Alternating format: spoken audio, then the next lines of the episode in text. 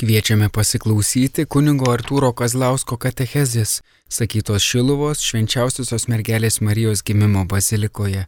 Pirmoji sinodo susitikimų tema - kelionės bendra keleiviai. Kas mus kviečia keliauti drauge? Broliai seserys ir čia Šiluvos bazilikoje esantys ir, ir visur, kur bebūtumėte, būkite pasveikinti čia prieš švenčiausiai sakramentą, čia prieš Dievo motiną mes esame, kad kalbėtume apie vieną labai svarbų dalyką, kuris šiandien įvyksta bažnyčioje ir tai yra sinodas. Kviečiu pradėti šitą konferenciją e, kreipiantis malda, e, kuri atsirado šeštame amžiuje, malda, kuri lydėjo ir pradėdavo visus bažnyčių susirinkimus ir sinodus ir visokias asamblėjas, malda, kuri pirmą kartą skamba lietuviškai, paprastai tik lotyniškai skambėdavo, o dabar, tarkime, stovime priešais tave šventoji dvasia, susirinkę tavo vardu. Tik tu viena mus veski, te būna mūsų širdys tavo namai Parodyk mums kelią, kuriuo turėtume eiti ir pamokyk, kaip jį įveikti. Esame silpni ir nuodėmingi. Neleisk mums kleisti netvarkos. Neleisk, kad mus klaidingų kelių vestų neišmanimas ir kad šališkumas turėtų įtakos mūsų veiksmams. Leisk tavyje rasti mūsų vienybę, kad kartu galėtume keliauti į amžiną į gyvenimą, nenuklyzdami nuo tiesos kelio nuo to, kas teisinga.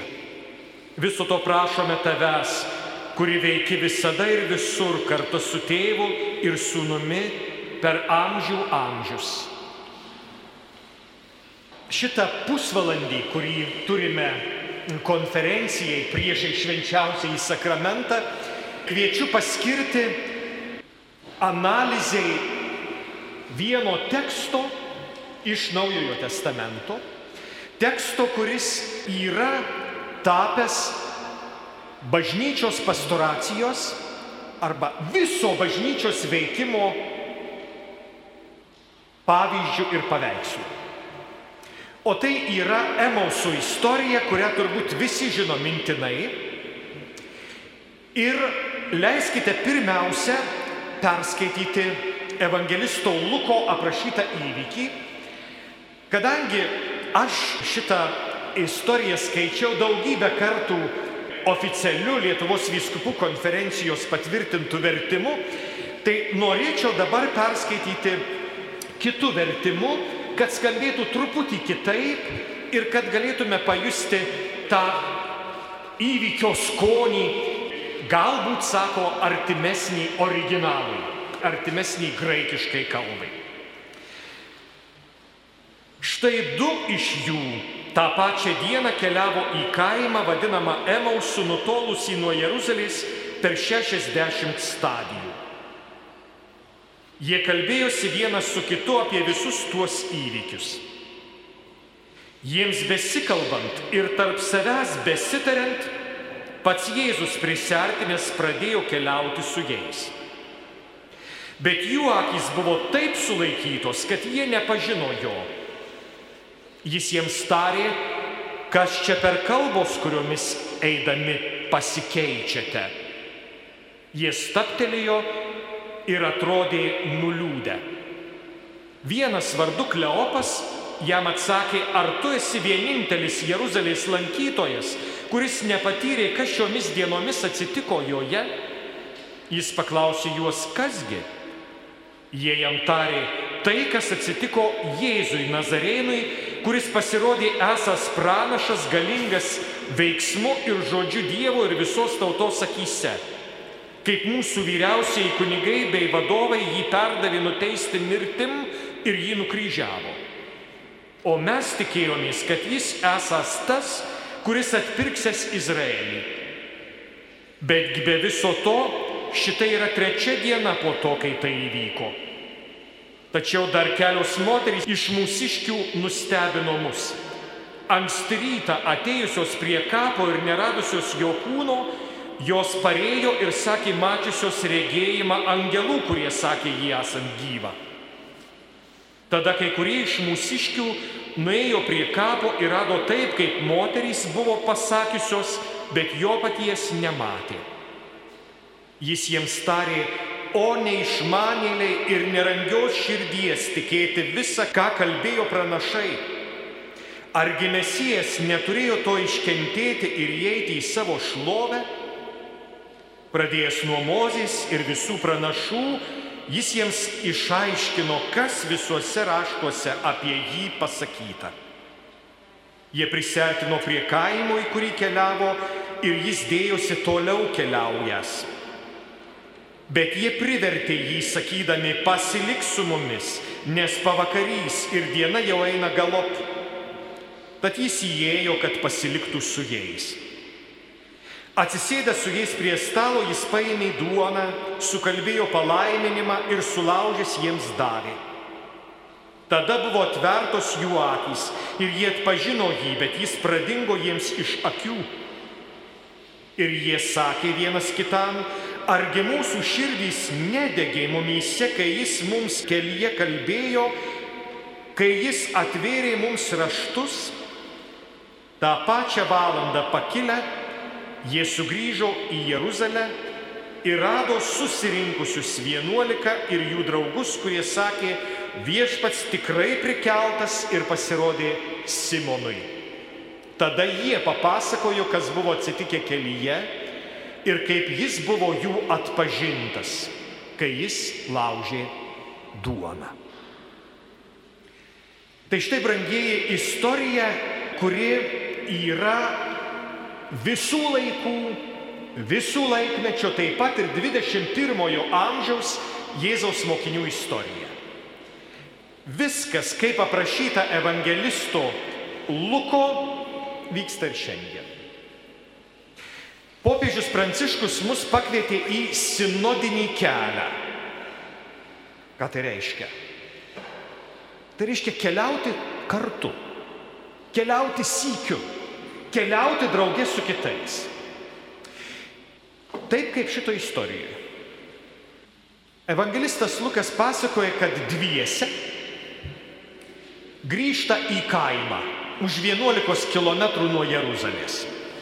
60 stadijų sako 11 km. Ką veikti daugiau Jeruzalėje, kai, kai viskas, ką, ko jie tikėjosi, žlugo? kai Jėzus jų viltis nužudytas ir dar daugiau nėra kūno. Jie grįžta nusiminę, nuliūdę, kaip grįžta nusiminę ir nuliūdę vaikai. Kur grįžti reikia, kai bloga? Pas mamą, beveik kaip čia šiluvoje mes šiandien, pas mamą. Kai negerai, grįžti pas mamą. Bet mes, kai kurie atvažiavome po vieną atskirai, vieniši. O štai šitie laimingieji keliauja dviese. Vieną iš jų mes žinom buvus Kleopa, o kas antras, mokslininkai sako, gal Kleopienė, gal Kleopo žmona, Jėzaus mokiniai, bet štai juodu kartu galbūt pareina iš Jeruzalės, iš didžiojo miesto, iš vilčių, pareina į savo tėviškę, į kaimą. Ten saugiau, ten ramiau, ką mieste veikti, kai viltį žlugo. Bet vienas svarbiausių dalykų, ką jie daro, jie kalbasi tarpusavyje. Kai kuriuose vertimuose netgi sakoma, jie ginčijasi tarpusavyje. Reiškia, jie yra kartu, bet ne atskirai. Nežinau, kai, kai bloga, kaip jūs jaučiatės, kaip jūs elgiatės. Aš bent, kai man bloga, atsimenu vieną savo aukštą temperatūrą ir mano kolegos, broliai ateina į sako, Arturėlį, gal tau arbatos, gal tau atnešti ko nors, dink iš akių, nenori tavęs matyti. Kai žmogui bloga, jis dažniausiai ką daro? Jisai užsisklendžia savyje nelysk, nekišk nagų prie mano skaudančios žaizdos. Ir tai yra viena didžiųjų mūsų tragedijų, kad mes užsisklendžiame savyje. Negalime atsiverti kitam, nenorime su kitu būti. Vienas svarbiausių dalykų, kai tau blogai, tu turi kalbėti su kitu. Tu turi būti su kitu, tu turi matyti kitą. Negali užsisklęsti tik į save. Kiek pasakojimų apie moteris, kurios patyrė vėžį, kurios susipažino su kitomis savo likimo draugėmis ir staiga sugalvojo, man reikia joms padėti kaip nors. Negalvodamos apie save, jos galvojo apie kitus, užmiršo save, matė kitus ir netyčia pasveiko savo lygos net neatsiminiai, kad, kad sirgo. Nes mąstai ne apie save. Galvojo ne apie tai, kaip aš blogai jaučiuosi, bet matė aplinką ir svarbiausia, matė kitą žmogų. Nepamirškim Jėzaus pažado, kur du ar trys mano vardu ten esu tarp jų aš pats. Reiškia, yra įmanoma keliauti, kad ir dideliai miniai, bet būti vienišiems yra įmanoma būti šeimose, bet būti vienišiems. Yra šeimų, kuriuose gyvenama, bet yra vieniši. Čia yra didžioji mūsų problema. Neatsiveriam vienas kitam ir nematom vienas kito. Ir šitie du tik dėl to, kad kalbėjosi ir ginčijosi, tai yra. Klausėsi vienas kito ir sakė iš širdies tai, kas yra, nes ginčijosi. Reiškia, gyniai savo nuomonę, gyniai savo idėjas. Tik todėl jie pajuto, kad yra dar trečias, kad jie ne vieni, ne vieniši. Štai, broliai seserys, vienas svarbiausių dalykų - būti kartu ir įsiklausyti ir pasisakyti. Ar ne to kviečia popiežius mus šitame sinode? Sako, klausykitės ir kalbėkitės. Štai sinodo svarbiausias uždavinys einant per gyvenimą, klausytis ir kalbėti. Jis pažadėjo būti kartu su tais, kurie yra kartu su kitais. Tie, kurie užsidarė savyje ir savo širdis, viešpats negali prie jų prisibelsti. Kai širdys uždarytos yra kaip tame paveiksle, kurį turbūt visi atsimenate. Jėzus beldžia į duris, bet vienintelio dalyko, ko duryse nėra, tai rankenos. Nes galima šitas duris atidaryti tik iš vidaus. Viešpats gina, gerbia mūsų laisvę ir todėl neišprievartaus mūsų. Atidaryk savo širdies duris.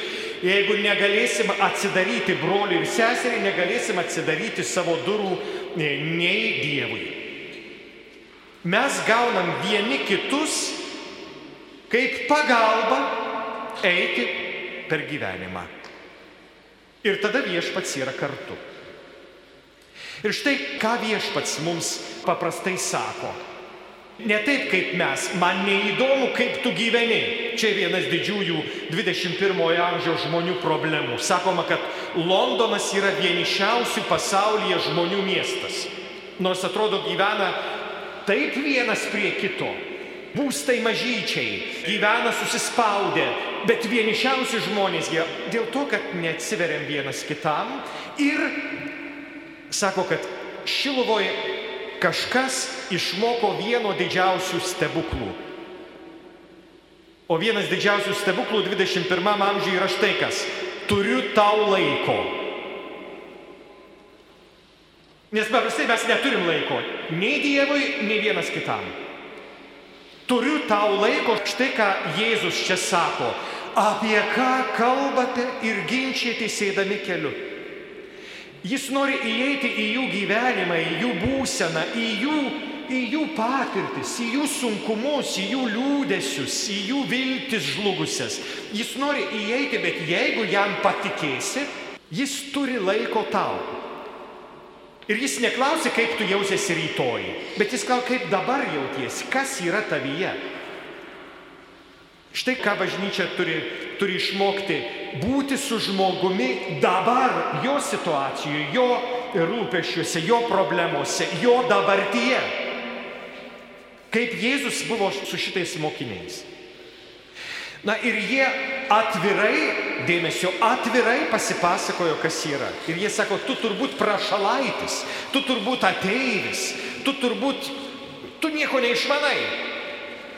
Dievui nereikia pataikauti, broliai seserys, ir nereikia pataikauti bažnyčiai, kaip labai dažnai mes, mes pataikaujame, kad būtume gražių, gražių išvaizdų. Nežinote, jeigu, jeigu pataikausiu, tai visi man patiks. Aš, pavyzdžiui, esu vienas iš tokių žmonių, kurie kiek, beveik kiekvieną vakarą darydami sąžinės patikrinimą, savo priekaištą turiu. Norėjau patikti ir įtikti. Nežinau, jūs turbūt taip nedarote, bet aš esu norintis patikti ir įtikti. Ir čia yra didžioji mano problema. Nepasakau taip, kaip iš tikrųjų yra ir ką iš tikrųjų mastau. Nes gal kam nors nepatiks. Tai šitie sugebėjo Jėzui pasakyti viską, kaip yra. Kas yra su jais, kas su jais darosi. Ir dar kartą kartoju, nepabijojo Jėzaus aišku, jo nepažinojo, bet nepabijojo pasakyti, prašalaiti, tu nieko neišmanai. Tai štai Jėzus pradeda paguodą ir gydymo etapą, trukusį turbūt visą dieną. Ruskiai radio išmokė, kaip reikia guosti. Jūs irgi mokat turbūt guosti kaip Ruskoje radio, nes mūsų vyresnieji mėgsta Ruskoje radio, prisimena jaunas dieneles ir gerus laikus, ne? Tai Ruskoje radio nuolat sako, viso būdit harašo, viskas bus gerai. Jėzus taip nesako. Kai jis duoda paguodą, jis šitą paguodą duoda ne iš kvailų paguodų. Viskas bus gerai. O jeigu ne? Kaip mes daug ją žodžiaujam ir, ir neturėdami ką sakyti, pliurpiam niekus dažniausiai. Todėl popiežius Pranciškus sako, geriausia paguoda tai tyloje būti kartu su kenčiančiu žmogumi. Nešnekėk. Kaip mes dažnai plepam ir, ir pasakojam prie mirštančio žmogaus, tu pasveiksi tu pasveiksi. Ar tikim patys tuo, ką sako? Mes meluojam ir savo, ir kitam. O Jėzus negodžia mūsų kvailais paguodo žodžiais. Viskas bus gerai, viskas bus gerai. Jis įsako, o ką rašė Mozė ir pranašai. Jėzus tarsi atverčia Bibliją ir pradeda skaityti. Štai iš kur imama širdies užsidegimas, nes paskui jie konstatuos, mūsų širdys buvo užsidegusios, kai kelyje jis kalbėjo atverdamas raštų prasme. Reiškia, gauti paguodą ir gauti kitą supratimą galima iš šventojo rašto skaitimo. Štai kodėl šito sinodo kiekvienos temos analizė bus skaitant Biblijos kokį nors tekstą. Pirmoji tema, jūs žinote, kokia yra sinodo. Kas yra mano bendrakeleivis, su kuriuo keliauju per, per pasaulį?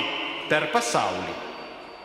Ir yra pasiūlyta panagrinėti ir pasižiūrėti gerojo samariečio istoriją. Kas joje? Žmogus keliauja iš Jeruzalės į Jerichą, papuola į plėšikų rankas, tie išrengia, sumuša, palikę pusgyvį, palieka šalikelėje.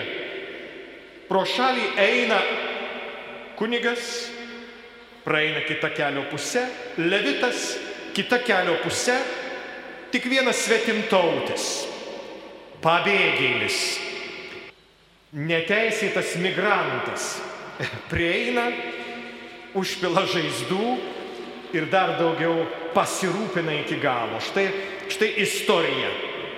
Kas mes esame, klausia Biblija. Kunigas, praeinantis kitą kelio pusę, levitas, praeinantis kitą kelio pusę,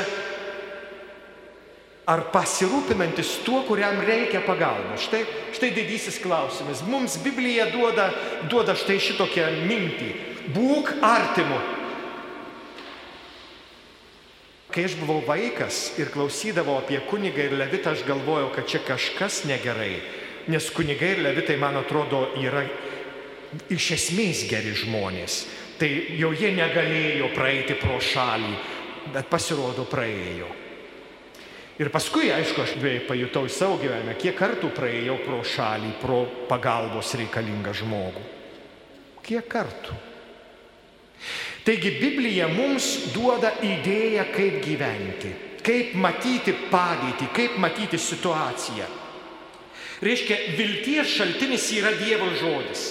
Jėzus būtent ją naudojasi šitą Bibliją. Ir jis mato štai įvykius, kurie yra Dievo vedami, bet Dievas veda mus ne tik per gražius lėnius, bet ir per kalnus, ir per vingiuotas prajeras. Jis visur mus lydi, visur keliauja draugė su mumis. Net ir su Jėzumi, sako raštai, net ir su Jėzumi Dievas buvo kartu su jo kančia. Ir pasirodo, jo pranašai sakė, kad jis prisikels, jis bus gyvas. Štai viltis yra mūsų Biblija. Broliai seserys, vilties raštai yra šventasis raštas. Iš čia gauname mūsų širdžių užsidegimą. Nepamirškim šitos maldaknygės, kuri yra Biblija, kuri yra dieviškasis žodis, norintis mus prakalbinti pačiomis įvairiausiomis situacijomis. Štai šitie žmonės keliauja visą dieną sykiu. Ir pagaliau vakaras. Jie jau atėjo į savo tikslą, o Jėzus, kurio jie nepažįsta, kad tai Jėzus, sako, eisiu toliau. Eisiu kitur, eisiu pas kitus. Nes Dievas turi laiko, nors laiko neturi, ar ne, nes gyvena nelaikė. Jis turi laiko savo žmonėms, jis skuba pas kitus. Ir dar vienas labai svarbus čia mums nurodymas. Dievas neišprievartauja mūsų. Dievas nėra mamos, tėčiai, kunigai ar mokytojai, kurie išprievartauja žmonės. Dievas gerbia laisvę. Dievas pasirenka eiti pro šalį, kad tik neapsunkintų tavęs. Štai Dievo buvimas kartu su mumis. Jis gerbia mane. Ir todėl šitiems dviems mokiniams jis sako, einu toliau, netrukdysiu jūsų. Bet evangelistai sako, jie privertė jį pasilikti. Dievą priversti reikia, kad jis pasiliktų su mumis. Kaip priverčiamas Dievas pasilikti su mumis? Prievartos aktas Dievui, koks yra? Tiesiog paprašyti, pasilik su mumis. Jau greit naktis. Norime būti su tavimi. Štai didysis prievartos aktas. Noriu būti su tavimi Dieve. Čia yra didysis, didžioji svarbiausia malda, kaip mano sesuo senut, senutė vienuolė. Sako, žinai, Artūrai, aš jau nemoku melstis. Aš tik dabar kartoju ir kartoju, Jėzau, man reikia tavęs. Jėzau, man reikia tavęs. Štai, štai šitų mokinių malda. Pasilik su mumis. Čia yra didžioji, didžioji mūsų malda, kurią mes turėtumėm sakyti, kad jis būtų ir naktimis, ir dienomis kartu su mumis ir su šita viltimi. Ir aišku, e, Euharistija, kurią jie čia švenčia, ji atveria akis, ji Euharistija duoda pamatyti Jėzų gyvą, esantį kartu. Nepamirškim, kad Euharistija iš tiesų yra tai, kas atveria akis, pamatyti visą situaciją, kurioje aš iš tikrųjų esu. Broliai seserys, krikščionys nėra optimistai, tai charakterio savybė. Krikščionys nėra pesimistai, tai charakterio savybė. Krikščionys yra realistai, viską matantys toje šviesoje, kurioje yra ir kviečiantis Dievą į buvimą, į šitą realybę, kuri yra. Krikščionys nekeikia realybės, krikščionys ją priima tokia yra ir bando patys pakeisti bendradarbiaudami su Dievu. Čia yra stebuklas, kuris gali įvykti, jeigu Dievas yra mūsų realybėje. Ir šita realybė yra pašventinama ir perkeičiama per Eucharistiją per tą duonos valgymą, per tą duonos laužymą, kaip, kaip sakytų techniškai mūsų naujasis testamentas duonos laužymas ir yra visa, visa mūsų Euharistija. Ir čia dėmesio, ką jie atpažįsta. Jie atpažįsta prisikėlusi jį, bet ir save pačius vienas kitą esančius prie to paties stalo. Nes Jėzus nėra vienas prie stalo, jis yra su broliais ir seserimis. Su tais pačiais, kurie kartu su juo vaišinasi, kaip sakytų koks evangelistas Jonas savo evangelijoje. Mes su juo valgėme ir gėrėme jam prisikėlus iš numirusių. Tai čia apie mus ir čia apie mūsų Eucharistijas. Tai štai šita yra krikščionio gyvenimo ir pastoracijos emblema. Kokias išvadas mes turime padaryti? Išvadas sinodui. Pirma, rasti laiko būti kartu. Tai yra skirti laiko buvimui kartu su bažnyčia. Antra, kalbėtis atvirai ir net jeigu reikia ginčytis mūsų bažnyčioje. Trečia, skaityti Bibliją. Ketvirta, vaišintis prie viešpaties stalo, valgant jo sulaužytą duoną. Ir penkta, nepamiršti, kad mums reikės sugrįžti į miestą, į Jeruzalę, į savo gyvenimą, į savo normalią būtį. Kaip jums atrodo, kam reikėjo keliauti visą dieną 11 km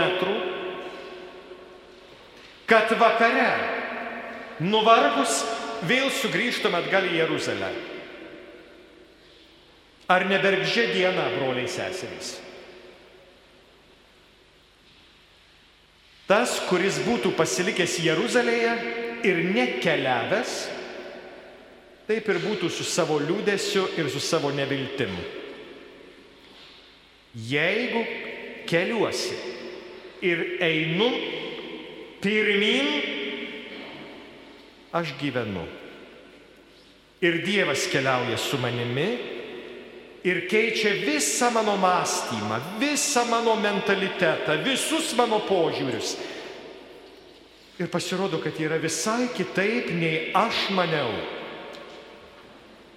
Pasirodo, kad viskas yra kitaip. Štai kodėl broliai seserys vėl iš naujo kartoju su popiežiumi Pranciškumi, kelkimės nuo sofų ir aukimės žygio batus. Tai ir yra sinodas. Garbė Dievui, tėvui ir sūnui ir šventajai dvasiai